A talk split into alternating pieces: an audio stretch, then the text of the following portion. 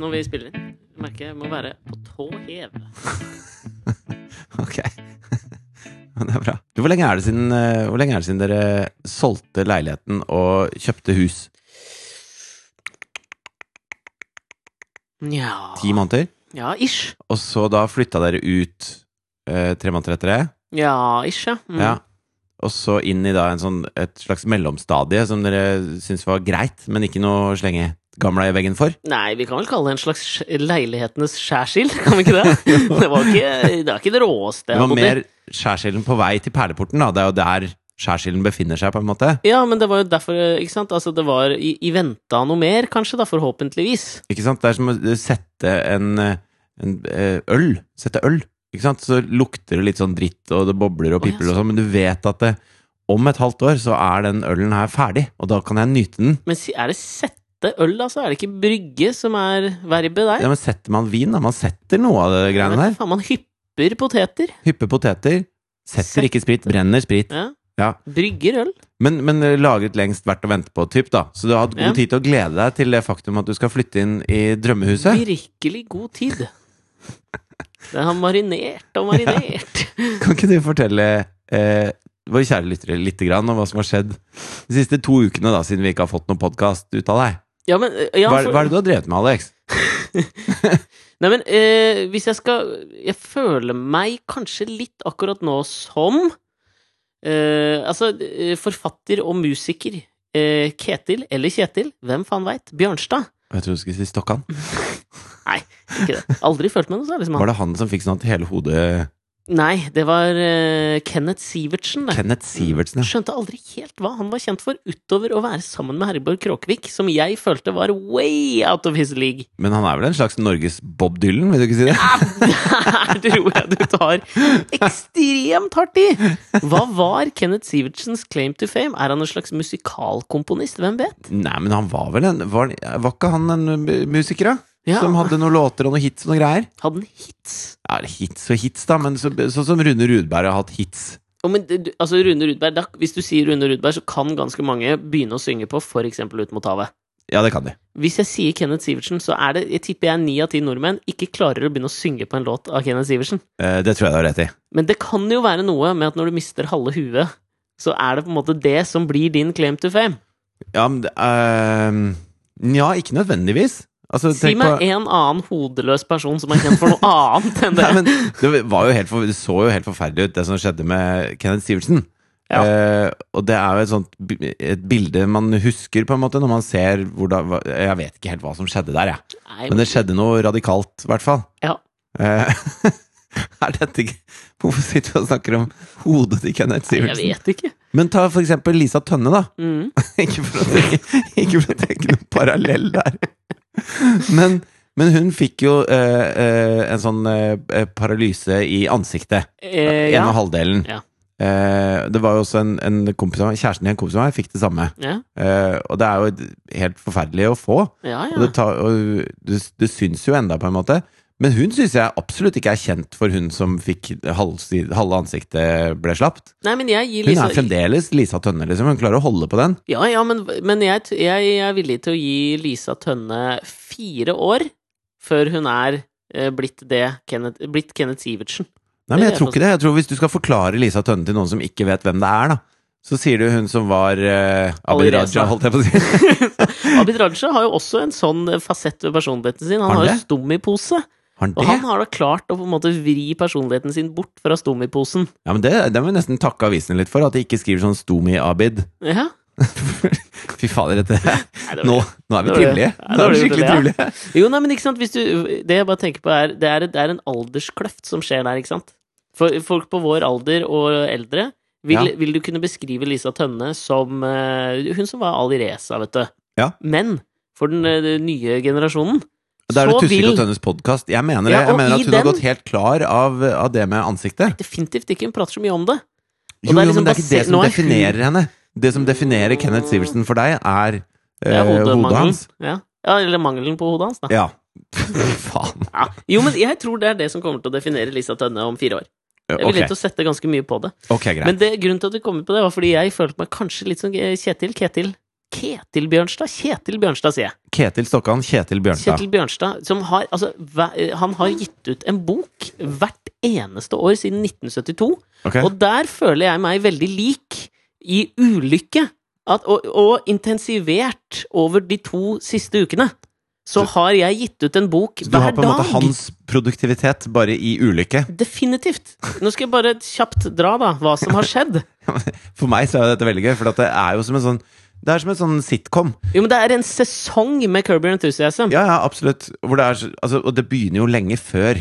Altså, det er jo ikke sånn at dette begynte nå. Nei, nei. Det er liksom uh, Men jeg føler at det ja, nei, intensivert en, seg nå. eh, jeg har funnet en leilighet vi kan bo i i mellomtid. Å ja, det spøker der, ja. ja det var noe dritt. Eh, og så bare ja, skal bare stikke og føde litt. Ja, og det skar seg. Det, å, uff, det var det en skikkelig heavy greie oppi det. Og så har vi fått den lille ungen. Ja, ja, så skal vi flytte, men ja, nei, det er Ja, vi har en helg der. Så vi må ut av den leiligheten og så tilbake igjen, for han skal ha visninger. Han fyren, så jeg må flytte ut og flytte tilbake igjen med det nyfødte barnet rett etter den fødselen her. Det er kanskje litt stress. Ja, ok, men greit. Det går fint. Og så har Asta slitt med en sånn falsk krupp Ja, det har jeg jo fått som har vært oppi, så man sitter i iskaldt rom hele natta og Ja. sover ingenting, Ja. mens, eh, mens det spøker. det folk ville kanskje tenkt Der stopper vi! Ja. Nei, men der fortsetter vi, da. Der fortsetter Så, vi. og det, som, det, det, det som jeg tenkte jeg kunne bare dra nå, da, det er liksom siden siste podkast. Hei, Erik. Katten til Alex og Mari. katta. Han er litt forbanna for han ikke får lov Vi å gå ut her. sitter nemlig i dette nye huset nå. Ja, det, Og det, jeg kan, jo, jeg kan jo ta et par av de tingene jeg husker, da.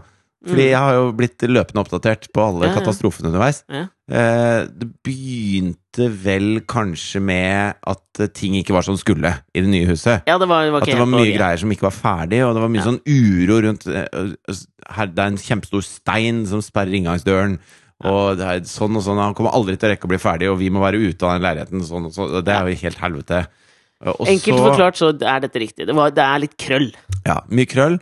Og så er det noen som stjeler skiltene på bilen din. På nye fuckings Blue Motion, ass. På nye Blue Ja, for det, ikke bare har du kjøpt deg enebolig på Nordstrand, Nei, nei. men kjøpt deg Passat. Ja, for faen. Blue Blue, Motion. DSG-kasse. Den er rimeligere. Jeg vet ikke deilig. hva noe av det betyr! Samme det. Men i hvert fall noen stjeler skiltene, og du blir oppringt fra forskjellige bensinstasjoner rundt i Østfold. Nei, Vestfold var det Ja, faktisk. Var det Vestfold? Sir, Hei, det er Circle K i Vestfold her. Ja, Hvorfor så- stikker du av? Hvorfor stikker du av? Det syns jeg er «Nei, gøy, da. Faen!» Ikke bare da er det masse styr å ordne opp i det, men det er på toppen av at du sitter midt oppi et flyttelass, og at vi prøver å lage et nytt uh, TV-program. Som vi jobber veldig intenst og hardt med. Ja, ja. Eh, Og så er det det der med når, bil, når bilskilter blir stjålet, så tenkte jeg at liksom sånn, er det sikkert bare å ringe noen og få noen nye. Er det ikke det? Nei, det er jo ikke det. Du må Nei. Du må møte opp på politistasjonen, så må du anmelde det, og så må du på Biltilsynet få nye. Og hvis du da, og når jeg sier du da, så var det jo Mari som gjorde dette, fordi jeg var jo på jobb, Ja, ja. da må du ha fullmakt fra den som eier bilen. Så, det blir mye krøll. Ja, alt, ja, ja. Jævlig mye krøll. Alltid mye tull. Og så uh, er det da en, eh, en ganske tung sånn feber, uh, febergreie som setter inn hos Asta, din datter. Ja. Etterfulgt av litt munn- og klovsyke. Ja, det, altså, det jo, For barn så heter det dette hånd, fot, hånd munn- og fotsykdom. Kaller det munn- og klovsyke. Men det er jo munn- og klovsyke, liksom. Ja. Så du får svære blemmer. Nå fikk hun heldigvis ikke inni kjeften, liksom, men vi snakker 40 feber over flere dager, og liksom blemmer rundt munnen og på, under føttene, og det er helt krise. Og mange ville kanskje tenkt det holder i et slags eh, arbeidsliv og Mm. familieliv at én har munn- og klovsyke. Da er det unntakstilstand bare der. Ja, ja. Men så blir det vannlekkasje i det nye huset. Fy faen. Hvor det Altså, jeg snakka jo med deg på FaceTime. Når Ja, skjedde det? ja, ja. Åh, ja, fordi da- jeg synes ikke liksom sånn, Når man sier vannlekkasje, så er det sikkert noen som tenker sånn Å, herregud, det drypper litt fra, fra krana, eller et eller annet sånt. Nei, nei. Å nei da. nei da. Det, det Å er nei da. Hele gulvet i andre etasje er liksom fylt av vann. Ja, det vil si taket det i første, da. Ja, ja. Ja det, det, er, det er det samme. Ja, men jeg tenker sånn tyngdekraftsmessig så går du jo heller mot taket enn opp i gulvet. Ok, Så La hele, oss hele nå for taket i faen første krysse etasje fingra for det, da! ja. Ja, ja, men jeg tror altså vann følger gravitasjon. Ja. Det er jeg ganske sikker på. De gjør det. Men da eh, skulle vi egentlig spille inn podkast når du fant ut at det var Ja. vann. Og da hadde, hadde vi en liten sånn FaceTime-samtale hvor du bare skulle vise meg hvor ille dette var. Ja, for da hadde jeg jo fått ringt opp en sånn rørleggervakt, da, for dette var jo forrige søndag. Ja. Vi var klare til å spille inn pod, og så går jo ikke det. For da er det en fyr som står og skjær, sager ut taket for å finne ut hva som Og skjer, så og da fosser det vann, jeg hører det. faen det velter. Men eh, det ansiktet ditt når han sto der, han rørleggervakta, og så snakker jeg med deg på FaceTime, og han står i bakgrunnen, og så sier jeg Men er det han som har satt opp dette her? så så jeg den polletten bare datt ned i ansiktet ditt, og du bare Hei, har du jobba her, eller? Og han Han bare Ja! Ja, det er jeg. Men så du frykten i øynene han så da, eller? Nei, så nærme var du ikke med det FaceTime-kameraet. han ble så nervøs, for han har jo vært en av rørleggerne som har jobba med dette huset, ikke sant? Ja, ja. Og han drev jo da, mens vi prata sammen da, så hadde jo han ennå ikke funnet feilen i hva som hadde skjedd i huset. Men noe var jo helt tydelig feil her. Ja, ja, men han fant det jo, ikke sant? Og det som var bare greia, var jo at eh, en eller annen løk av en fyr ikke hadde klart å koble sammen avløpsrøret fra vaskemaskinen med røret som fører vannet ut av huset, og Ja, ikke, men ikke inn i klart å koble taket. Det var en glippe på 10 cm. Han hadde ikke prøvd å koble sammen de greiene. Jeg, jeg tenker sånn, når, det det hadde vært som om vi to møtte opp og spilte inn en podkast uten å snakke i 58 minutter. Det er så graverende feil. Ja, det er som, hvis du har en tallerken foran deg, skal du forsyne deg med lasagne, så tar du lasagne, og så legger du den på gulvet. Og tenker du hm, ja, det var bra gjort. Der traff jeg. Der, innertier. Ja, men jeg, jeg kan ikke forstå det. Så det vil jo si at alle vaskemaskiner vi har kjørt, så har liksom vannet bare blitt pumpa ut i taket. Bare Ja. pumpa ut. Og det begynte jo å piple opp av gulvet i første etasje, så det vil jo si at det har rent nedover veggene. Fulgt gravitasjonen. Så dette her byr jo på visse utfordringer, da, kan du si. Og nå har dere fått vite at uh, fordi ikke kjøkkenet må rives Ja, eller våtrommet, da, som bad i andre etasje også. Ja. Eh, men Flere bare, bare gang, gangen og stua er det eneste som må rives i det nye huset deres. Eh, kanskje fram til jul Mm. så får dere ikke dekket et annet sted å bo med to små barn. Nei, akkurat det vil jeg, vil jeg bestride. Men jeg har en teori på at dette her henger sammen med den amerikanske valgkampen. At når Trump gikk opp på scenen i Trump Tower yeah. og sa uh, 'Mexicans are rapists and. I'm gonna be the president of the United Gonna States', build a wall. da begynte moren din å spøke hjemme hos deg. Sa Da starta dette her. Det er- Og nå, de siste to ukene, har det jo eksplodert der borte. Og det har det her Det òg. er en Det merkelig Hånd i hånd. Hver gang han bæsjer på leggen, så skjer det et eller annet i livet ditt. Men Er det at øh, Har han en slags voodoo-dukke av en generisk norsk mediemann i starten av 30-åra? lurer på det. Som han sitter og poker ut hver gang noen tar, publiserer samtaler han og Billy Bush har i The Locker Rooms. Ja, fordi nå er det på en måte blitt så parodisk, det som skjer med deg, da. Og, jeg føler at eh, jeg har ledd mye av Donald Trump, og jeg har syntes at han har vært eh, idiot, og jeg har syntes at han har vært farlig, og alt mulig sånn. Men nå er det gått ned i en sånn derre Jeg orker ikke mer.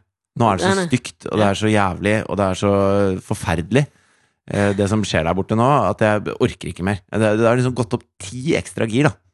Jo, det, men det har jo det, men samtidig så er det jo Jeg syns jo det som er fascinerende som har skjedd siden sist vi prata, det er jo hele, hele eh, praten om uh, grab them by the pussy. Eh, hvor han står Ja, inne og så har det stått fram en, en 15-20 kvinner som Ja. han visstnok har antatt Eller som, som man har hevder grabbed by the pussy. Ja, som, eh, som hevder at han har gjort akkurat det han sier han pleier å gjøre. Til og med Vendela Kirsebom har faen meg hitt seg på den eh, bølgen her og mener at For hun var vel på en eller annen måte affiliert bekjent, føler jeg, av Donald Trump. Det er, men det er så mange av de 90-tallet, eller? Ja, det kan sikkert stemme. Altså, han har en lang karriere som, eh, som grab by the pussy-artist, denne mannen. Ja, for jeg føler ikke at du begynner ikke med det i en alder av liksom 60-50-60 år. Nei, du, det, er en, eh, det er en egenskap du må finslipe, det som han driver med. Ja, det tror jeg også. Ja. Men det er jo fascinerende at det liksom sånn For, for, for min del, da. Hvis, hvis, hvis du ser på alle uttalelser Donald Trump har gitt siden han starta valgkampen, så tenker jeg 'grab him by the pussy'. Ja, det er ikke på topp fem-lista over er jævlige ting. derf, det er ikke derfor jeg ikke orker mer av dette her nå. Nei, men det er det jeg tenker. Det det, blir en fordi sånn det som, det som jeg syns er så jævlig nå, da, i kjølvannet av det, så er han blitt sånn helt eh, Altså, det er ned på et sånt konspirasjonsteorinivå som, som ikke det, har ingenting med virkeligheten å gjøre lenger, da. Altså, jeg, jeg leste det svar For New York Times hadde jo en sånn De prøvde å liste opp eh, på en måte alle kvinnene han har forulempet, da. Mm, mm, Og de hadde gjort en ordentlig jobb og researcha dette skikkelig, da. mm. Og det er spesielt to ting han gjorde som jeg syns er sånn Det der med at når han hadde en sånn Miss Universe-greie for unge deltakere som Mm. var 15 år gamle, at han da sniker seg inn i garderoben mens de er nakne 15 år gamle, det Da Det er ganske langt utafor, ass. Ganske langt utafor. På flere nivåer, liksom. Altså, det er barn. Ja, det er liksom det. Og så altså, fordi en annen historie også, hvor han sitter og blir intervjua sammen med Melania når hun er fem måneder gravid, og så må hun på do. da tar han med seg hun reporteren og sier 'Kom, skal jeg vise deg et annet rom?' Og så låser han dem, de to inne på et rom, og så begynner han å tafse på henne mens hun prøver å komme seg unna.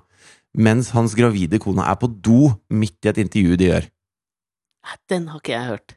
Det er så jævlig langt ute.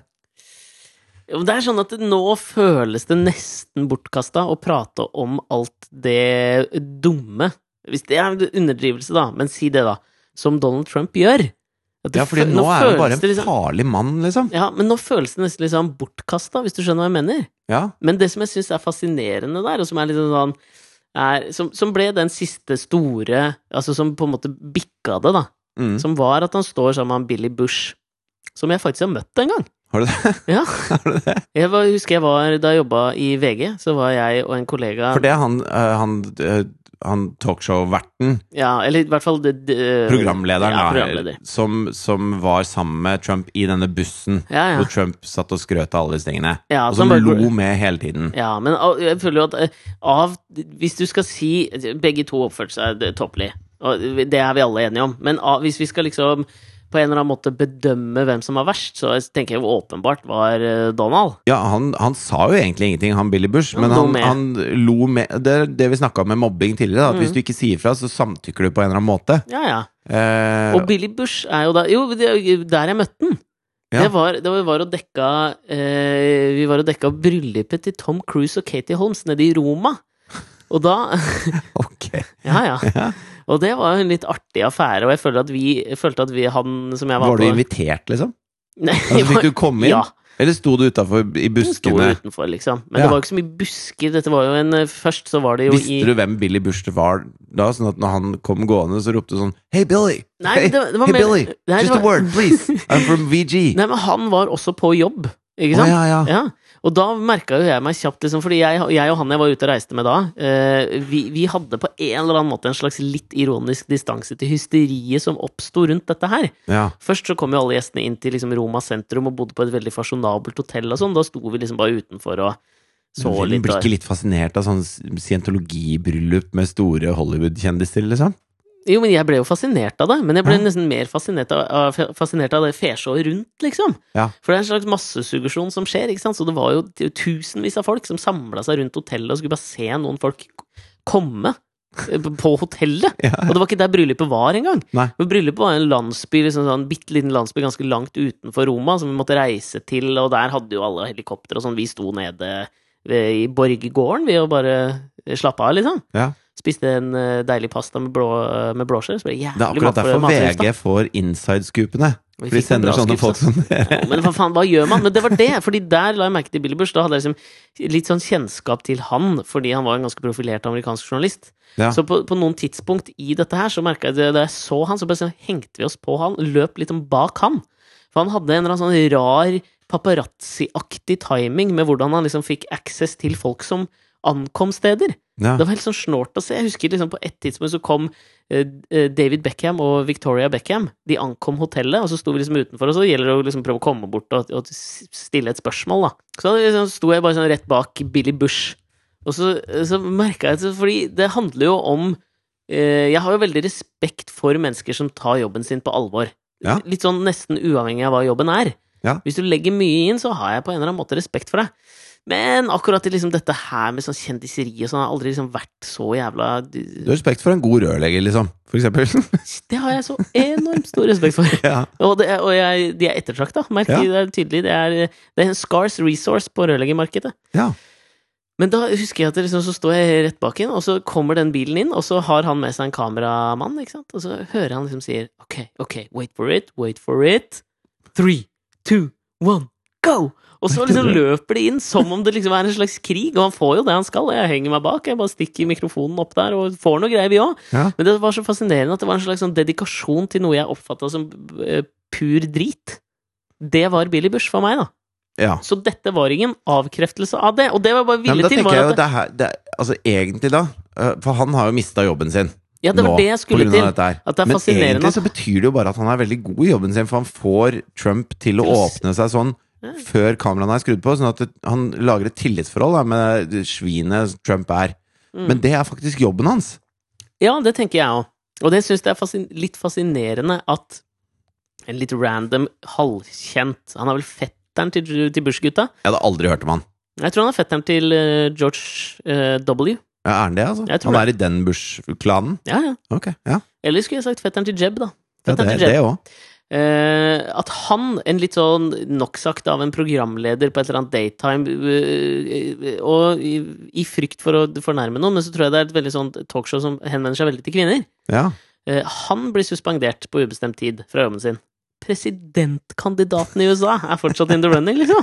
ja, ja. Det er helt sjukt! Ja, det er helt sjukt. Men eh, etter at, eh, etter at New York Times eh, lagde den listen over alle kvinnene han har antastet, osv., osv., osv.. så klikka det jo for Trump. Så han begynte å tweete og sendte advokater til eh, New York Times og krevde at de skulle fjerne alt mm. og komme med en eh, umiddelbar unnskyldning, og at dette var injurie og alt mulig Ja. sånn. Og da skrev jo advokaten et svar. Eh, Mm. Advokaten til New York Times skrev et svar til Mm. Til Trump-gjengen, da. Mm. Og det, jeg har nesten lyst til å bare eh, lese opp lite grann eh, det? av det svaret. Ja. Eh, han sier at The essence of a libel claim is of course the protection of one's reputation. Mr. Trump has bragged about his non-consensual sexual touching of women. He's bragged about uh, intruding on beauty pageants in their dressing rooms. He told a radio host uh, when they discussed Mr. Mr. Trump's own daughter that she was a piece of ass. og, så, og så fortsetter de sånn, og sier at det, det er ingenting vi kan si som ødelegger ryktet til denne mannen. Det har han gjort selv. Ja, ja. Og så avslutter han med Og vi kan veldig gjerne møte deg i en rettssal for å la en dommer fortelle deg akkurat det samme som jeg har skrevet i dette brevet. ja, ja. Så de er ikke redde i det hele tatt for å gå i en rettssak med han. Og det hadde vært en våt drøm for meg å se Trump i den rettssaken bli fullstendig avkledd. Det hadde vært en slags oppreisning for all den driten han har dratt oss igjennom dette året her. Og se han svette litt på tiltalebenken, liksom. Ja, og, få I bli dømt utgangspunktet så burde han jo svette litt på Ikke det at man skal sammenligne en eller annen slags talerstol med en tiltalebenk, men det er jo egentlig det, i hvert fall i den amerikanske valgkampen, med den typen retorikk som funker der, så er du jo på en eller annen måte på tiltalebenken når du er presidentkandidat. Ja, Du ja. blir stilt til ansvar. Men det er helt utrolig hvor lite liksom sånn, hvor lite så, altså Det er jo det han skal ha for, da. Det er at faen, den fyren er jo laget av et eller annet stoff som jeg ikke kjenner til, altså, for det bare preller av. Alt bare preller av. Tenk deg hvor altså, Ja, men han har jo levd i en boble hele livet, hvor han kan gjøre hva faen han vil. Og da tror jeg du blir Altså, det, han er verdens mest bortskjemte 70 år gamle drittunge. Ja. Og, og han kan bare gjøre nøyaktig som han vil. Og alle tåler det, liksom. Og har alltid tålt det. Ja, men jeg føler vi har jo hatt det vi heller ikke har pra fått prata om, da, siden vi har vært eh, off the grid den, de siste ukene. Er Tenker du på døden av kong Bumibol Day? Nei, det var faktisk ikke det jeg tenkte på. Aduliadei, unnskyld. Ja, nei, det var ikke det, altså. Men jeg tenkte på uh, hele den der mannegruppa Ottar-diskusjonen som har hjemsøkt det ganske norske land. Som i utgangspunktet baserer seg på noen av de samme liksom sånn Det er uh, noen av de, den samme sånn retorikken. Altså, det er en slags kvinnefiendtlig retorikk som folk reagerer på. Ja. Det er det samme med Donald Trump. Ja. Og der, men, men akkurat her merker jeg at jeg er litt som Jeg er litt usikker. Fordi i utgangspunktet da jeg leste om Du har fått med deg hele den greia her, ikke sant? Ja, altså, jeg, det var jo først en sånn kjempesak hvor de mente at eh, de oppfordret Mannegruppa Ottar oppfordret til vold mot barn og oppfordret til overgrep og alt mulig sånn. Eh, mens Mannegruppa Ottar mente at dette er jo bare vitser. Mm, Det er smakløse vitser og dårlige vitser, men det er bare vitser, sier de. ja. Til en viss grad så syns jeg man skal ha en takhøyde for hva som er vitser. Mm. Og man skal ikke nødvendigvis kreve at alle har samme type humor. Vi har jo prata mye om dette her, at det er jævlig skummelt å sette et slags sånt moralsk eh, Å dømme noe moralsk basert på liksom kvaliteten det uttrykker. Ja. Og der synes jeg, det syns jeg er litt skummelt. Men samtidig, ikke sant, det er ikke noe sånn altså, Jeg har lest noe av det som har stått inn på den sida, og du, det er umulig å, å ikke synes at det er helt forferdelig. ja. Og, og det er jeg helt enig i, og det at de driver og outer liksom sexbilder av Sophie Elise, eller hva faen det var, flere jenter der altså sånn, Det er ingen av disse tingene her som kan unnskyldes. Har de gjort det også? Jeg tror de har gjort det. Ja, for jeg så det Jeg han- ble, det, var, det, det her er min, den der diskusjonen ble jeg også sånn lei av, så jeg gadd ikke liksom sånn på et tidspunkt så merka jeg sånn Ok, men dette gidder jeg ikke mer. Jeg gidder ikke å høre mer. Nei. Men det, der hvor jeg merker at jeg er liksom Hvor jeg, hvor jeg ikke er helt sikker lenger, eh, det er altså at folk reagerer på dette her med rette. Ja. tenker jeg absolutt med rette at man reagerer på det. Det får være greit. Ja. Men samtidig, det er ingen som liksom har har tenkt så mye på hvorfor reagerer folk så jævlig sterkt på dette her? For det må vi vel kunne si at liksom Det har vært en kronikkstorm, det har vært Twitter, Facebook-storm Altså, det har virkelig kokt rundt bannegruppe Ottar. Så hva er det som gjør at folk reagerer så utrolig sterkt på dette her? Altså, jeg så intervjuet med han som har starta mannegruppa Ottar. Ja. Jeg tenker jo En av de sterkeste reaksjonene man får, det er jo når du samler inn masse penger til Kreftforeningen, og Kreftforeningen ikke vil ha penga dine. De vil ikke ta i de skitne penga dine. ja, det, der må jeg si igjen, det syns jeg er noe forbanna tull. Ja, det, fordi at det, det er alltid lov å angre, da. Det er alltid lov å si 'jeg har lyst til å rette opp det inntrykket'. Mm. Og, og jeg opplevde han fyren når han sto der og prata, som en, eh, en litt villfaren, men, men hyggelig fyr. Det, han var ikke ond, liksom. Nei. Eh, men jeg syns jo at det, eh, For han sa to ting samtidig i det intervjuet. Mm. Han sa at eh, dette her har tatt helt av, og jeg beklager alt som har skjedd feil. Vi klarer ikke å moderere ting i tide og alt mulig sånn. Mm. Men mannegruppa Ottar har blitt såpass stor at jeg kommer ikke til å legge den ned nå. Nei. For nå har jeg fått litt makt. Mm. Og når han sier de to tingene samtidig, så gluer det ikke helt for meg. Nei, men det, jeg tror det er også det som gjør folk så utrolig forbanna. For dette her jeg, Dette er det noe jeg tror, da. Ja, At det som er grunnen til at dette skaper sånn enorm harme hos så mange mennesker, det er ikke liksom bare det de sier. Det som jeg tror mange reagerer på her, eller i hvert fall ikke bevisst, men det man, det man får en følelse av, er at dette her er jo en lukka gruppe. Du må være medlem for å kunne gå inn og se. Og det er det verste i hvert fall jeg vet, så her måtte jeg liksom relatere litt til meg sjøl. Jeg tror mange kan kjenne seg igjen i det. Det er jo det derre Vi har alle tenkt hva sier folk når jeg går ut av rommet nå? Hvordan Ja. snakker til og med mine egne venner om meg når jeg ikke er der? Det vi, noe av det verste jeg veit, det er en sånn følelse av utelatthet, eller at jeg ikke har oversikt over noe som kanskje omhandler meg på et eller annet vis. Og det noe- tror jeg er, Og så er det er at hvis du skal holde på med sånne type utsagn og ting, da, Mm. så må du i hvert fall tørre å gjøre det. Du, du kan ikke holde på å være et rasshøl bak lukkede dører, liksom. Nei, jeg er til en viss grad enig, men det er bare i fortsettelsen av den tankeprosessen jeg hadde rundt det for å prøve Jeg ble, nest, jeg ble faktisk litt overraska over hvor sterkt folk reagerte. Ja, Fordi eh, jeg, jeg tror veldig mange, eksempel vennegjenger, har en ganske eh, Kan ha Jeg kjenner på min vennegjeng med barndomskompiser. Vi kan også ha en ganske sånn ufin og drøy og usmakelig humor oss imellom. ja. Men innad i den diskursen vi har der, så vet vi også at dette er ikke noe vi mener. Det er ikke et symbol på hvordan vi tenker om Altså, Nei, men jeg, jeg, synes, syns- da, så har vi, jeg synes Trump, Trump er et veldig godt eksempel her, fordi at det, Mm. sånn som han snakker om, da mm, At det, altså At det er locker room talk. Ja, jeg kan, gjøre, jeg kan gjøre hva jeg vil. Jeg kan bare gå over til å kysse folk, eller bare ta de på hvor som helst, eh, Mm. når som helst. Og ingen sier noen ting, for jeg er kjendis og jeg er mektig. Ja. Eh, hvis noen har sagt det som en Altså hvis eh, en komiker Si uh, Lisa Tønne, da. Ja, ja. Hadde stått på en scene og sagt at eh, ja, etter at jeg ble dommer for Norske Talenter, så kan jeg bare gjøre hva faen jeg vil. Jeg, kan, alle, jeg er så stor kjendis at ingen tør å ta meg på noen ting, og jeg kan bare gå rundt og bare kna folk i skrittet og sånn, og det er helt greit. Som en vits, Ikke langt liksom. unna noe hun kunne sagt til Tusvik og Tønne, føler jeg, uten Ja, å ha hørt så mye på det. Men da hadde det vært som en vits, fordi jeg føler at jeg, jeg kjenner hennes eh, eh, MO, da. Jeg vet hvem hun er, liksom. Ja, ja. Og da, da kan jeg le av det. Mm. Men når Trump sier det, så tenker jeg Han mener jo dette her. Fyren ja. er jo klin hakke gæren. Og da blir det plutselig noe helt annet. Og, og, og det er derfor det er veldig vanskelig når det er folk du ikke vet hvem er, som skriver ting. Mm. Og så tenker du De mener dette her. Ja, ja. Og, og jeg, jeg mener jo at sånn som den ene vitsen 'Hvordan maler du stua di rød?' og du kaster barnet ditt rundt omkring. Mm. Jeg husker ikke åssen det var. Den var jo ikke noe morsom. Den var jo bare platt og jævlig teit, liksom. Men jeg blir ikke støtt. Men jeg blir ikke støtt av det, for jeg tror ikke at han eh, fyren som har skrevet den vitsen i gåseøyne, eh, faktisk vurderer å kitte barnet sitt rundt omkring til hele stua er malt rød av blod, liksom. Nei. Det tror jeg ikke, da. Eh, og da blir jeg ikke så støtt av det. For det, det har ikke noe med realiteten å gjøre. Men Nei, der men- skriver folk at det, folk kan jo plutselig få tanker om å gjøre sånt som disse oppfordrer til. Og og det mener jeg blir la- altfor langt ut på andre sida, da. Ja, fordi jeg føler jo kanskje Det er to ting, da. Jeg føler kanskje at det er nok av folk i Norge som leter etter noe å bli krenka for. Uh, og, så, Ja, ja. og så føler jeg kanskje litt at dette handler litt om internett, liksom. Hva er internett? Jeg føler kanskje at det er ganske mange oppi denne her debatten som ikke helt skjønner hva internett er. Ja, men jeg er helt, jeg er helt alvorlig, ass. Ja, så de bør ringe Get og si 'Hva er Hva internett?' er dette her? jo, nei, men altså, eller hva- hvordan man øh, Hva internett er blitt, da, eller hvordan man kan være på internett. Fordi i utgangspunktet så er jeg helt for, jeg.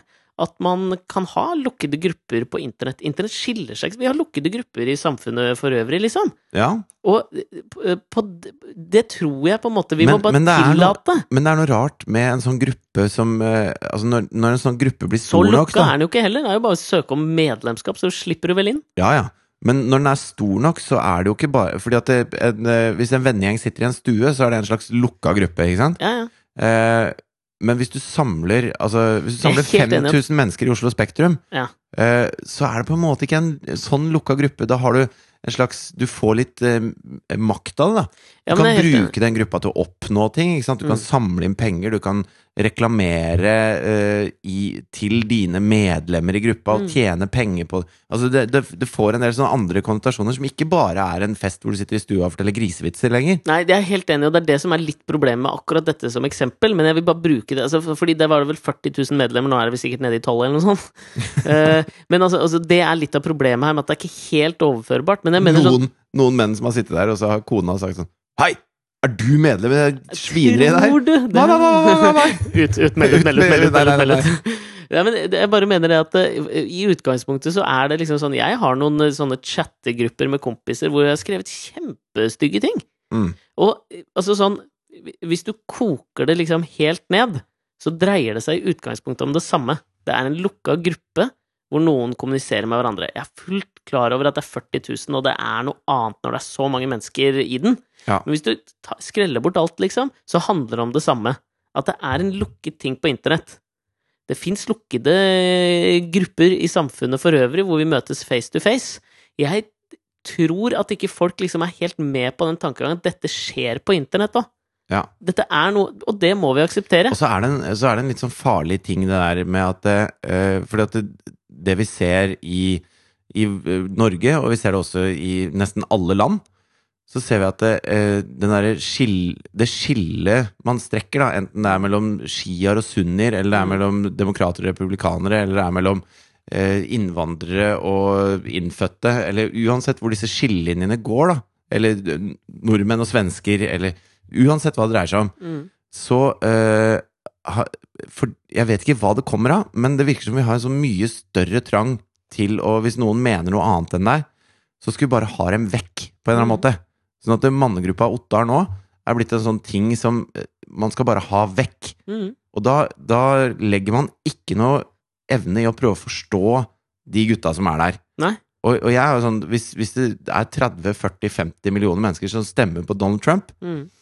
Så eh, kan man ikke bare Sånn som Hillary når hun sa 'a basket of deplorables'. Ja, ja. Hun kalte de bare rasshøl, Ja. rett og slett. Og de kan vi ikke gjøre noe med.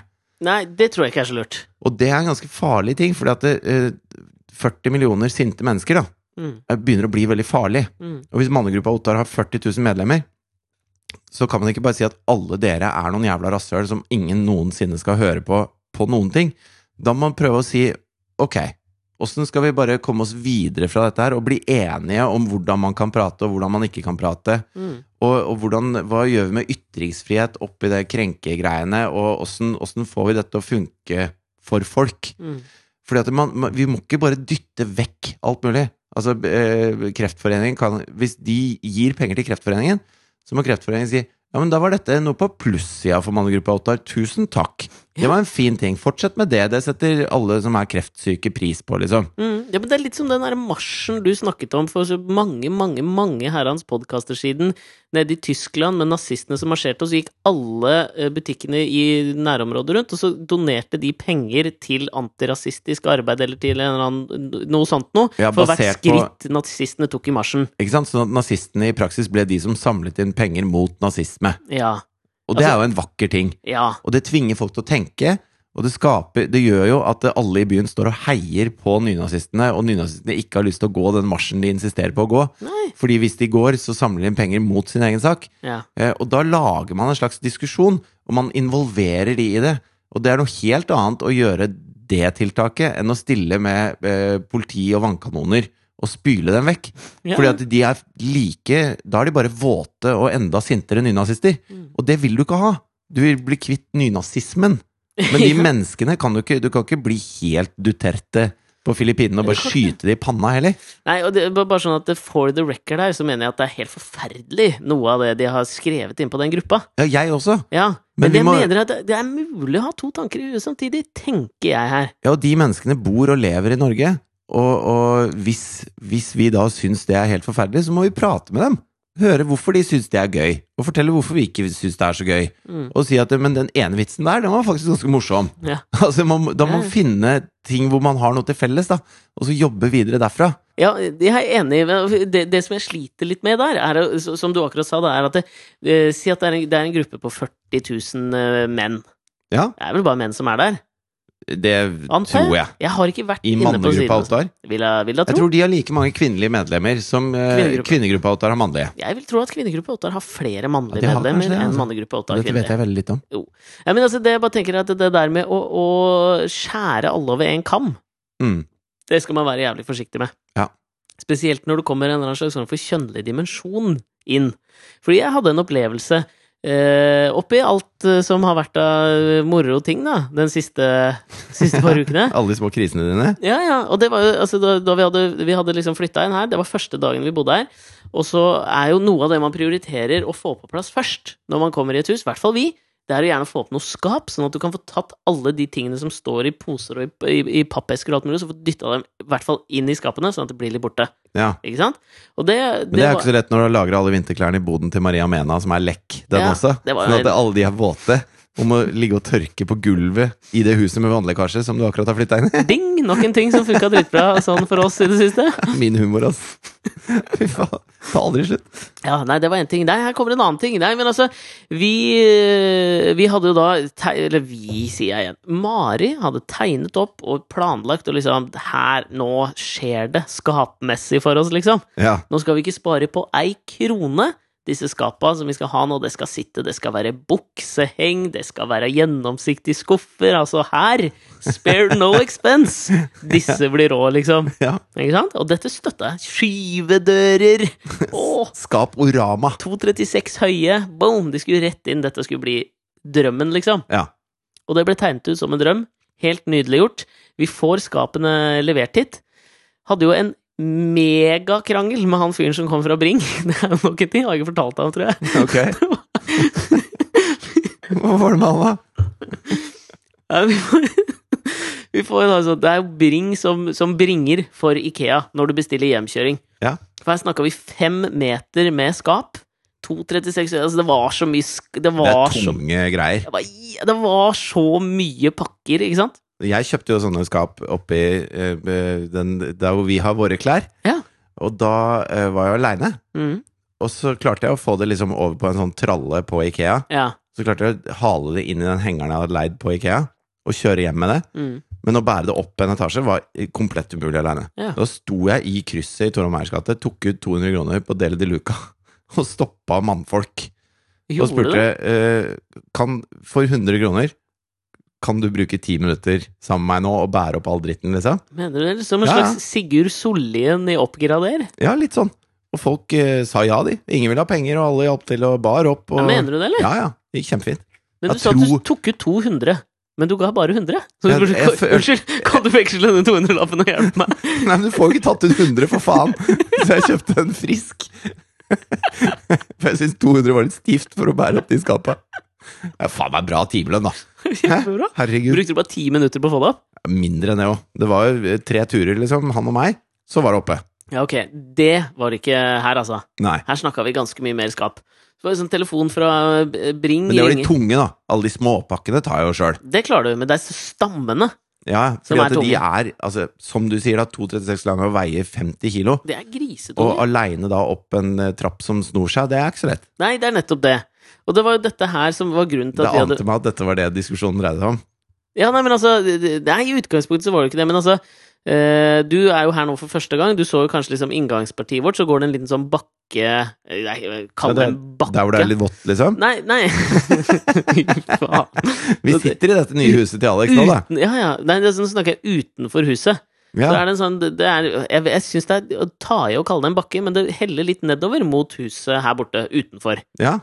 Og så eh, ringer Bring, og de sliter med å finne fram, og det er bare masse mas, og de vil ikke Og så er det en gangvei som begynner liksom rett ved inngangen vår, så begynner en gangvei. Ja. Uh, og der er vi sånn Nei, vi kan ikke kjøre inn gangveier og sånn. Så sier jeg nei, men den begynner først her borte, og sånn, så nå må du bare Kan ikke du bare komme hit, da, så, så ordner vi dette her, liksom? ja. Merka liksom Det var ikke god stemning, var det ikke. Nei, ikke sant? nei. Og Mari var så forbanna etter å ha liksom hatt han på tråden 14 ganger, og de kom ikke, og de var forsinka. Liksom, du veit hvordan det er.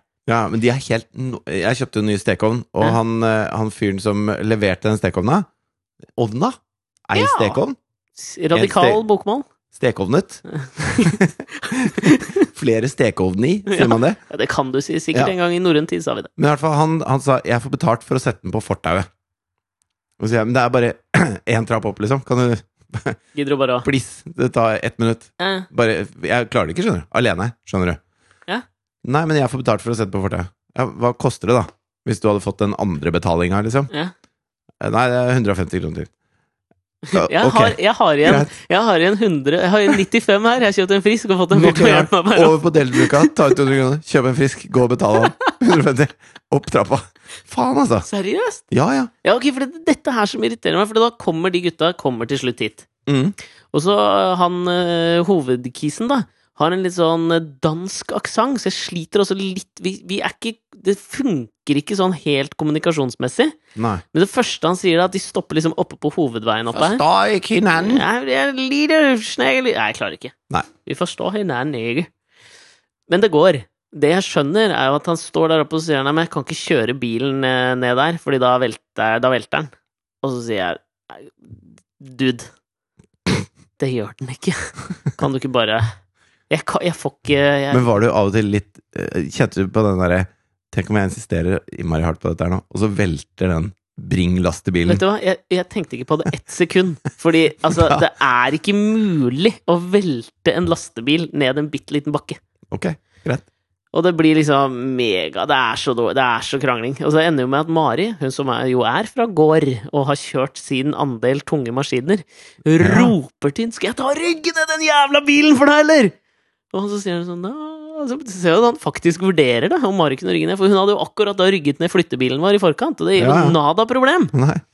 Så til slutt så får vi til å i hvert fall kjøre litt ned. Da. Etter mange forsøk så kommer han seg liksom litt ned, og så stopper Se for meg deg nå. Står der bare ja, 'Unnskyld meg, min gode mann'. Altså, vi- kan ikke bære alle de skapene hele veien. Altså, hva var det du sa? Jeg skjønte ikke helt hva du sa. Og Mari står der og bare 'shut the fuck'. Og til slutt så bare klikker det for henne. Ja.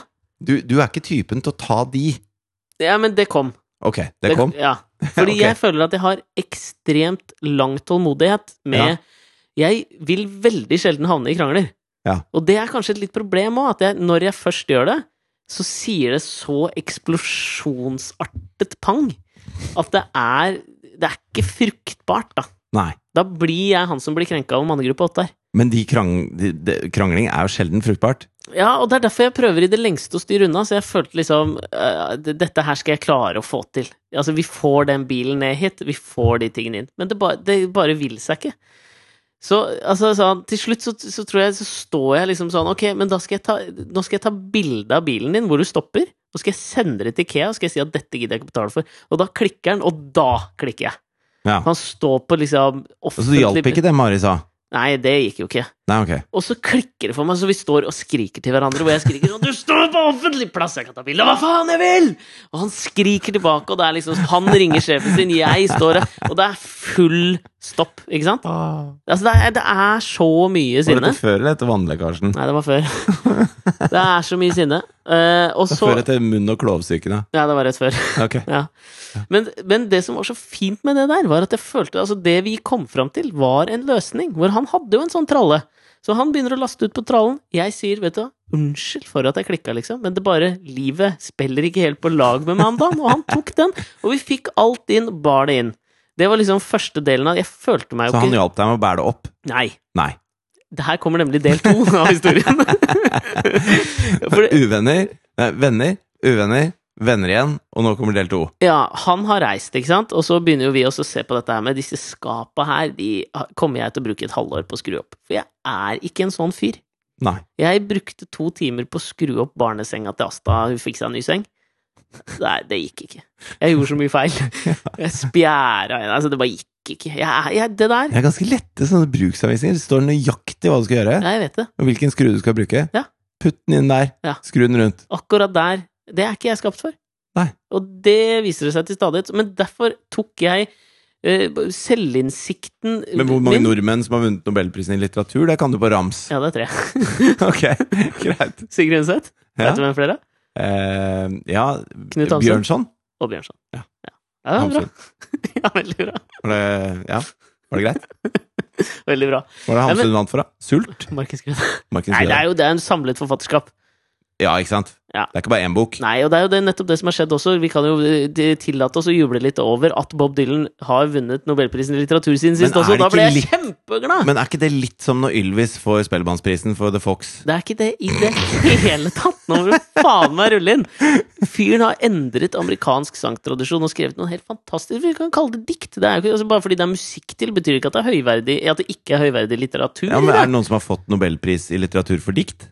Eh, for dikt er jo mange som har skrevet. Det er skuespill de prøver Altså Dario Fo fikk det jo for en slags sånn dramatisk eh, Ikke sant? Og Ja, det er han det de italienske tragikomikeren. Ja, og det, og det er det de prøver å gjøre. Forfatteren av en, en, av en uh, anarkists anarkist tilfeldige død. Det kan, det kan godt være. Jeg tror det. Men det var Ja. det kan, La oss si at det stemmer. Ja, jeg tror det.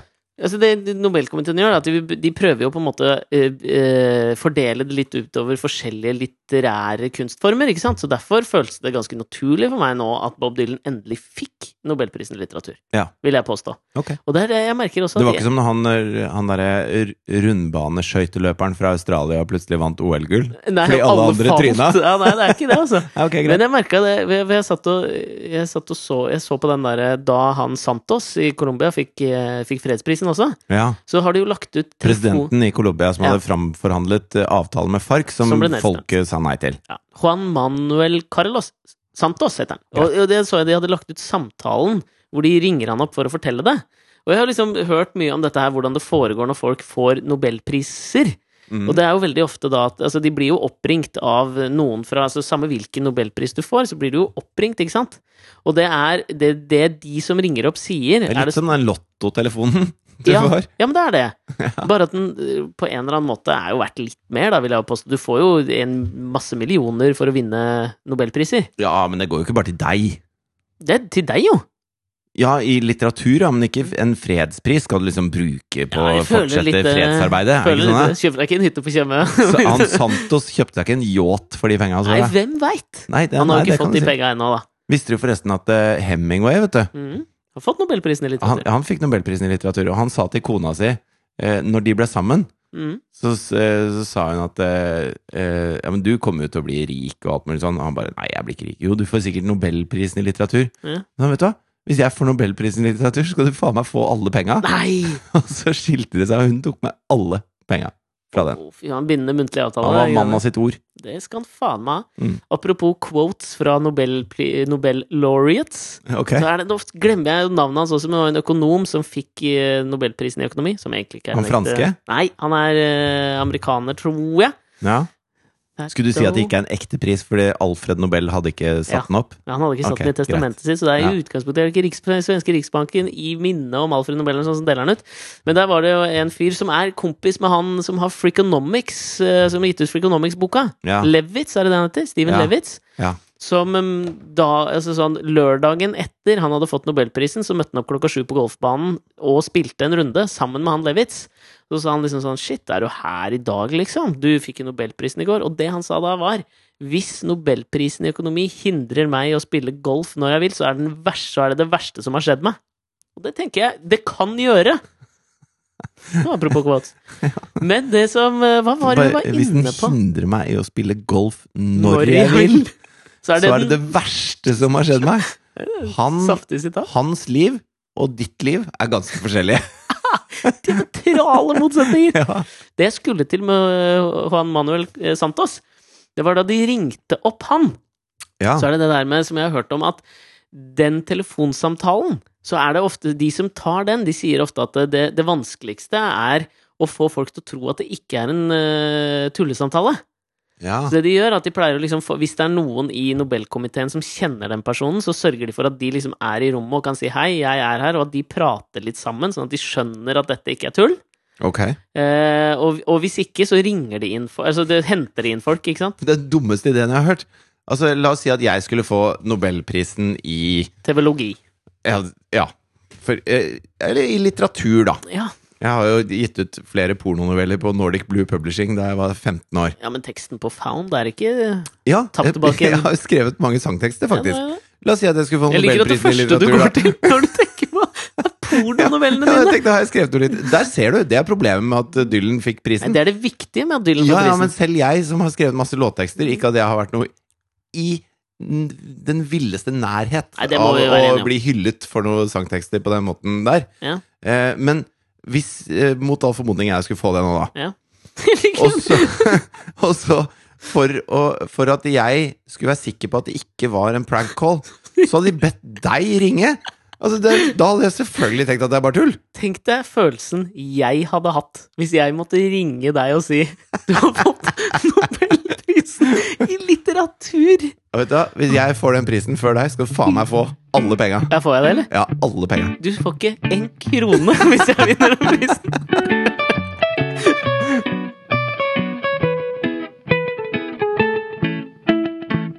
Men det jeg skulle til Ja, med bring! Kom Nei, igjen. Nå, først, først Juan Manuel Santos. Ja! For da hørte jeg samtalen som skjedde. Den har de jo lagt ut nå, ikke sant? når han ringer og sier at eh, du har vunnet fredsprisen. Kan hende at de har redigert noe i den samtalen, redigert ut at han ikke tror på det, men det går for fort. Det er for lite, liksom, Jo, men det har jo blitt ramaskrik i, eh, det har blitt ramaskrik i Colombia på grunn av dette. For de som ville stoppe fredsavtalen, Ja? de sier at eh, eh, han Santos pusha fram den for å nå deadlinen til Nobel. Ah, Så de mener at dette her har vært et spill fra hans side hele veien. For å bare, legge press på nå fortsettelsen i det arbeidet, ikke sant? Nei, de mener at det bare. Han hadde bare lyst på den prisen, er Å det ja, de at prøver han å ga si. faen i fredsprosessen. Ja, fordi de mener at den fredsprosessen kunne gått fint hvis han bare hadde brukt det halvannet året til da, på Ja. dette her.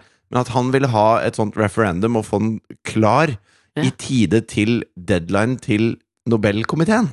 Ah, jeg skjønner. Noe som er jo litt trumpsk å mene, syns jeg, da. Ja, men det var det jeg følte også, for han gikk så fort videre. Altså, så, Det er sikkert synes... derfra de har, det er det de har fått vann på mølla av, sikkert. vet du. Det kan være det, men jeg, for jeg følte at han Santos var liksom litt for lite glad.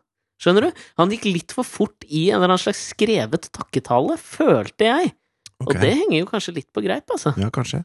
Litt Kanskje han jeg, er et lite svin, han Santos. ja, litt som jeg føler at kanskje Therese Johaus uh, Vi skal til Leppegate. Vi skal til Leppegate, eller? skal vi på Leppegate? Ja, Kan jeg, jeg kan si jeg skal tilbake til dette med disse hyllene, altså. Jeg har ikke ja, ja, det. men vi må innom ja, Leppegate. det er vanskelig å hoppe og bukke over det, altså. Ja. Uh, jeg forstår at disse langrennsløperne blir som barn, Ja, ja. som ikke kan ta ansvar for alt selv. ja. Men de jobber veldig hardt med treninga si, og sånn. Mm. Og det har jeg full respekt for. Og jeg syns veldig synd på Therese Johaug under det intervjuet. Selv om jeg fikk litt sånn derre eh, Carrie Mathison i tredje sesong av Homeland-følelsen. ja, jeg kan si meg Hvis litt du skjønner hva jeg mener. Ja, Den, jeg når hun ikke har tatt pillene sine, liksom. Ja. Uh, den der ja, det er et eller annet Og dette er liksom- ikke for å mobbe henne i det hele tatt, Neida. men det er noe med at uh, du er voksen, ting det er driti ut, liksom. Eh, må ta, ta det litt ordentlig. Ja, ta det jeg. som en kvinne. ja, Ja, rett og slett. Også, men, men det som provoserer meg med hele Leppegate, ja. eh, det er jo at eh, jeg syns at hvis man har et lovverk og noen regler som omfatter dette her Ja. For meg så må Therese Johaug gå så mye langrenn hun bare vil. Og, og jeg, kommer til å, jeg kommer til å heie hvis hun eh, er i nærheten av å vinne, sånn som jeg gjør hver gang noen nordmenn vinner. ja. Og jeg skjønner at for henne føles det blodig urettferdig å ikke får lov til å konkurrere når hun har trent hele livet hardere enn noen andre og kommet seg opp på et nivå som er helt rått. ja. Blodig urettferdig. Men you fucked up, liksom. Og Ja. det må man stå for. ja men, Og hvis for, systemet rundt har svikta deg, eller noe sånt, det må man stå for. For ellers så er det sånn at eh, eh, hvis vi får et frikort, vi som nordmenn, fordi liksom Ja, men vi er jo alltid så hederlige, og stakkars Therese hadde jo ikke noe med dette å gjøre. Hva skal vi gjøre med de russerne da? Hvor, altså De russerne som ble utestengt fra forrige OL. Det utestengte jo til og med russere som ikke har vært dopa, bare fordi Ja. at de ville straffe systemet. Ja, Og her er det systemet som har svikta, og skal vi gi henne et frikort? Jeg syns det er en dobbeltmoral som ikke henger på greip. jeg er vel den siste til å snakke om noe dobbeltmoral akkurat nå, men ja, jeg er helt Jo, enig. men, jo, men Skjønner du ikke hva jeg mener? Jeg, jeg, jeg er jo helt enig. Det må Vi, være vi kan altså, ikke kreve noe av noen hvis vi sier at det skal gjelde alle andre enn oss. I doping må det være svart-hvitt, Ja, 100 jeg. Det er, Ellers så, er ellers så får man. Alle kan finne på alskens unnskyldninger, for det er så mye rare stoffer i så mye rare ting. Vi kan ikke ha Her. noe Schrødingers eh, lepper Nei, inni dette det kan vi ikke ha. Og- Men, det som kan- provoserer meg med hele Leppegate, Ja. er at svenskene nå sier eh, så jævla mye om dette. Det blir jeg, det blir jeg sur av. Når de sier sånn så Hadde hun vært svensk, så hadde hun aldri fått gå mer. Og det, det impliserer at det, hvis hun får lov til å gå mer, Mm. så, så bør vi ikke heie på henne. Nei, det er det. Altså, jeg merker jeg er veldig fan av en svensk forfatter som heter Lena Andersson, som også har vært noe uttalt seg om dette her, om at hun syns veldig synd på Therese Johaug. Og ja, Og det gjør jeg også. ja, men ja, jeg gjør det, men, i utga men sånn, når jeg tenker meg om to ganger, så klarer jeg ikke å gjøre det. Jeg klarer ikke, samme hvor mye jeg prøver, å synes ordentlig synd på Therese Johaug. Fordi i utgangspunktet så er det hennes ansvar. Det er Klart dritt det. at det har skjedd. Og, og det jeg Og han er altså- ubrukelig, han legen som ga henne den kremen. Ja, men er det jeg, jeg kan ikke skjønne at det er mulig. Hvis du har jobba som lege i fuck, over 30 år Ja, han har vært landslagslege i to år, da, men han har jobba som lege i 30 år. Han er ikke tapt bak en dør eller vogn eller hva faen det heter, han heller. Nei, jeg ville jo tro at de plukker ut noen av de beste folka til den jobben der. Tror du ikke det? Jo. Hvis det merkelig. Hvis det er riktig som det står på det derre øh, At det står på kremen 'doping' og så en sånn faregreie, Ja. Det, kan- det kan jeg ikke forstå. Jeg, jeg, Det har jeg aldri jeg, sett på noen ting. jeg skjønner Jeg skjønner har hatt mine solbrente lepper. Du vet jo, jeg abonnerer jo på Se her, bare rett ned i lomma her nå. Jeg, har, jeg kan uttale meg om lepping. For ja, jeg har, går alltid med Blistex eller Lipsyl i lomma. Jeg har aldri vært borti noe jeg, hvor det står sånn doping-fare-greie Ikke jeg på. Hvor forbrent Jeg har sett de leppene når de har vært forbrente, i intervjuer, og jeg har tenkt ei, det ser ikke bra ut. Nei, nei. fuck! Hvor jævlig skal Altså sånn, hvorfor i all verden kan du ikke bare kjøpe deg en vanlig jævla Lypsyl med solfaktor, da? Ja, ja. Men, men uansett, da. Du syns ikke noe synd på Therese. Nei, jeg, vet du hva, jeg sliter Jeg har litt Jeg har lyst til å synes synd på henne, men jeg klarer ikke å gjøre det. Jo, men som en angrende synder, da. De kan man jo også synes synd på. Nei. jo, ja, men det, altså en angrende synder, det skal være greit. Men altså, eh, det er jo på en måte to deler her. Hun kan angre etterpå, det syns jeg er synd på. Men jeg syns ikke synd på henne fordi hun ikke har klart å passe på hva hun putter i seg. Jeg bare så det var en sånn gammel eh, langrennsløper eller uh, kombinertutøver, i hvert fall en sånn gammel norsk skisportsutøver, som skrev en tweet om at liksom for 15-20 år sia så fikk vi ikke engang lov å liksom drikke vann, eller hva faen det var han brukte som eksempel. Vi fikk ikke engang lov å Det var et eller annet som var så åpenbart, liksom, at for 50-20 år siden så var ikke det lov engang, uten at du uh, risikerte å bli tatt for doping. Får ikke lov å bruke dopapiret i Italia. Nei, det var såpass, da, ikke sant? Mm. Og da tenker jeg, vet du hva, dette her, her Det er leppegate, ass. Ja. Det er noe gate her. Og etter eh, Astmagate også. Merke fuckingsly. Ja, ja. Det, det, Uten vi at har vi, vi skal det der ikke, nå er jo ingen av disse her til å forsvare seg, for å sitere Fredrik Skavlan. Men, så vi skal være jævlig forsiktige, men det må være lov å si at dette er besynderlig.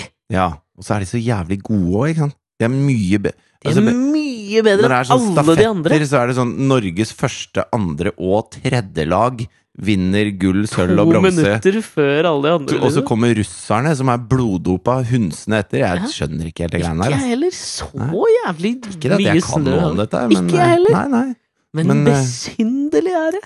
Men eh, de leppene, altså. Apropos lepper. Ja. Jeg var jo der med masse skap ja. og smurte på lipsylen Lypsylen min. brukte du leppene til å prate med han Bringmannen? Ja, jeg gjorde det. Ja. Men han Bringmannen var jo reist, ikke sant? Eh, og så uh, kom vi fram til den uh, Altså, jeg anerkjente det faktum at dette er ikke jeg skapt for. Å gjøre sånne her ting, sette sammen sånne her ting, det er ikke, det er ikke meg, det. Nei. Hvis jeg skal gjøre dette her, så kommer det til å ta tre til fire uker før disse skapene er oppe. Litt fordi resten av livet rakner mens jeg skrur, men mest av alt fordi jeg er dårlig til det. Ja. Ikke sant? Ja. Så det vi finner ut at vi skal gjøre da, det er å legge ut jobben på småjobber på Finn. Det hadde Mari hørt om da. Tenker jeg var en kjempegod idé. Så får vi inn noen her som bare smeller opp de skapa Men er det ikke sånn fastpris fra Ikea at det koster 900 kroner uansett? Ikea? Mm. Hva faen er- monterer de? Ja, hvis du, kjøper, hvis du kjøper noe fra Ikea, så betaler du maks 900 kroner, så monterer de hele dritten. Du kødder nå, eller? Nei, nei. Nei, ikke si det. Jeg kødder, eller? Nei, det er sånn. Nei. Hva betalte du nå for å sette opp de skapene? Ja, men fordi at uh, vi la ut den jobben på småjobber på Finn. Hvor mye på ga dette? Du kødder nå, eller? Nei, jeg nei, nei. Fordi, altså, da eh, Nei, si Nei, hør nå. Si, det, det må jo være Når jeg var 18, så jobba jeg på eh, noe som het Verket Kolonial, som var en ny butikk på Bærumsverk, hvor de hadde kjøpt eh, kontormøbler på Ikea. Ja. Og da var det jeg og en annen løk som skrudde sammen det. Brukte tre dager på Ja. det. Og så fant de ut dette med at det kosta 900 kroner. Hvis du kjøpte alt på Ikea. Men vet du, ikke om det, altså, du kan jo ikke kjøpe et kjøkken og så monterer i kjøkkenet ditt. Det tror jeg ikke. Ok. Eller jeg, jeg veit ikke. Ok, men det var i nei, hvert men da fall skal du få regelen høre, da. skjønner du. Fordi at nå, vi legger ut på Finn småjobber, og så er det en fyr som svarer, da. Og, og han sier liksom sånn Nå vet du kan du fortelle det, skal jeg google det.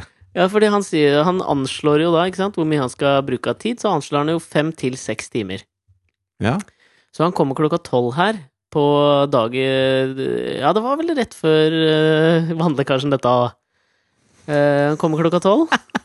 Få drømmegarderoben ferdig montert på vegg. 895 kroner. Nei, du kødder nå, eller? Nei, det står her. Våre servicepartnere kan hjelpe deg med alt av montering, slik at du kan bruke tiden din på akkurat det du ønsker. Oi, der! Nå kom Mari ned trappa. Jeg tror hun hørte hva jeg sa nå. For det som skjer, da, er jo at han kommer klokka tolv Ja, på dagen. Ja. Har du lyst til å tippe når han var ferdig? jeg vet ikke. Kvart over to på natta. Kødder du, eller? På å montere sånne skap? En profesjonell? Ja, han var dritflink. Det var ikke det. Det skal ikke stå på han. Okay. Dette skal ikke stå på han, ass. Okay. Han var jævlig flink. Vet du hva timesprisen var, eller? Nei. 400 kroner. Jesus. Altså, Så 5000 kroner brukte jeg på det, jeg fikk til og med litt avslag. og da kosta det 5000? 4000. Jeg betalte litt over 4000. Ja ja, ja, det var den middagen på Maiemo, folkens. Faen.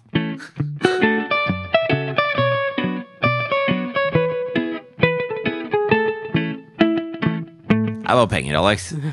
Det går fint.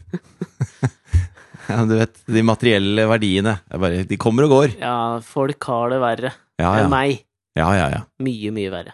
ja dette, dette er ikke noe Aleppo-moment. Det er ikke, det er ikke Aleppo-moment. Therese Joa har det sikkert verre enn føler Au! Og hun har nok det. Jo, jeg tror Therese Johaug hadde drømt om å bare betale litt for mye for å feilmontere noen skap. Ja, men det er en del andre ting her òg, da. Ja, det, ja, det er et par andre ting. Men jeg Ja. tror vi er kommet dit hvor vi skal uh, snakke om de tingene vi ikke gidder å snakke om. Jeg. oh, ja, det var det, ja! Ja. Du har ikke laget noen ny jingle i det siste, eller? Niks. Nei, ok.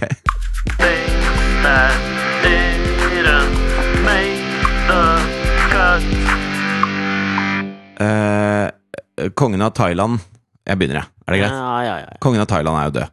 Mm. Uh, han har jo vært en Han er det motsatte av Trump, da, på en måte. Mm. Han har vært en veldig sånn samlende kraft. Han liker å seile, men da ikke som vår konge, men i en sånn liten jolle. Det liker han å seile i. Alene i en liten jolle, og så har han ikke noen dyre vaner. Han reiser ikke til fete steder, men han jobber. Jobber for folket, og de forguder han. Eh, og nå som han er død, så er de jo redd for at eh, Maktvakuumet vil skape skumle tilstander. Ja, for den kronprinsen er jo ikke samme Krom. ulla. Kromprinsen Kronprinsen er jo ikke samme ulla. Da ble- Det ble blant annet tatt bilder av ham han står i sånn singlet, bare masse tattiser og Er bøtter champagne. Og han er liksom motsatte, da. Ja, ja. Eh, og det var egentlig ikke dette jeg hadde lyst til å snakke om, men de heter så jævlig morsomt. Provinsialisme, Ja. Så Bhumibol Adulyadeh eh, er nå dessverre gått bort, da. Ja. Og det Jeg vet at han er en stor konge, Ja. eh, og, og som liksom De ser nesten litt på Adulyadeh som en gud. Ja. Og Maha Maha Bare et lite øyeblikk, jeg skal bare lese navnet hans en gang til. Og kronprins Maha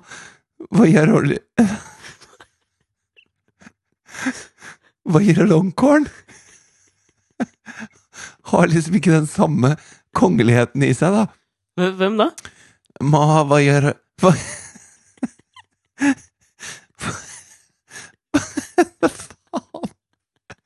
Hva gir av longcorn? Har ikke den den derre auraen som Adulja Day har.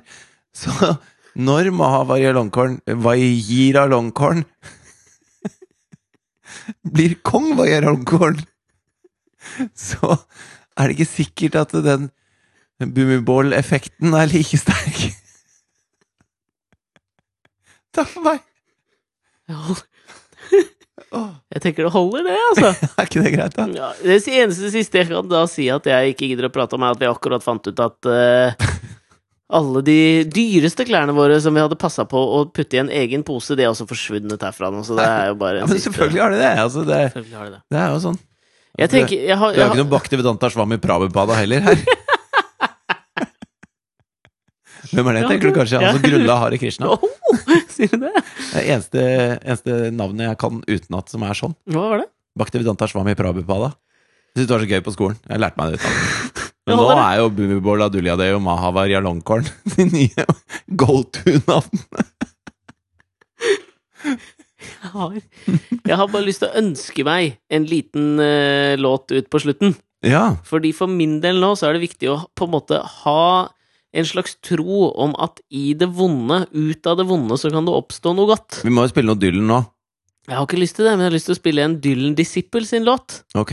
Og det er eh, svenske Markus Krunegård sin låt 'Asken er den beste jorden'. Den har jeg lyst til at skal tonesette dette ut med troen om at når alt brenner ned, så er det det som er den mest fruktbare og gode jorden, og at du må oppleve noe litt vondt for du at det skal kunne vokse. Den brente jords taktikk på det huskjøpet her. Er på hele livet akkurat nå.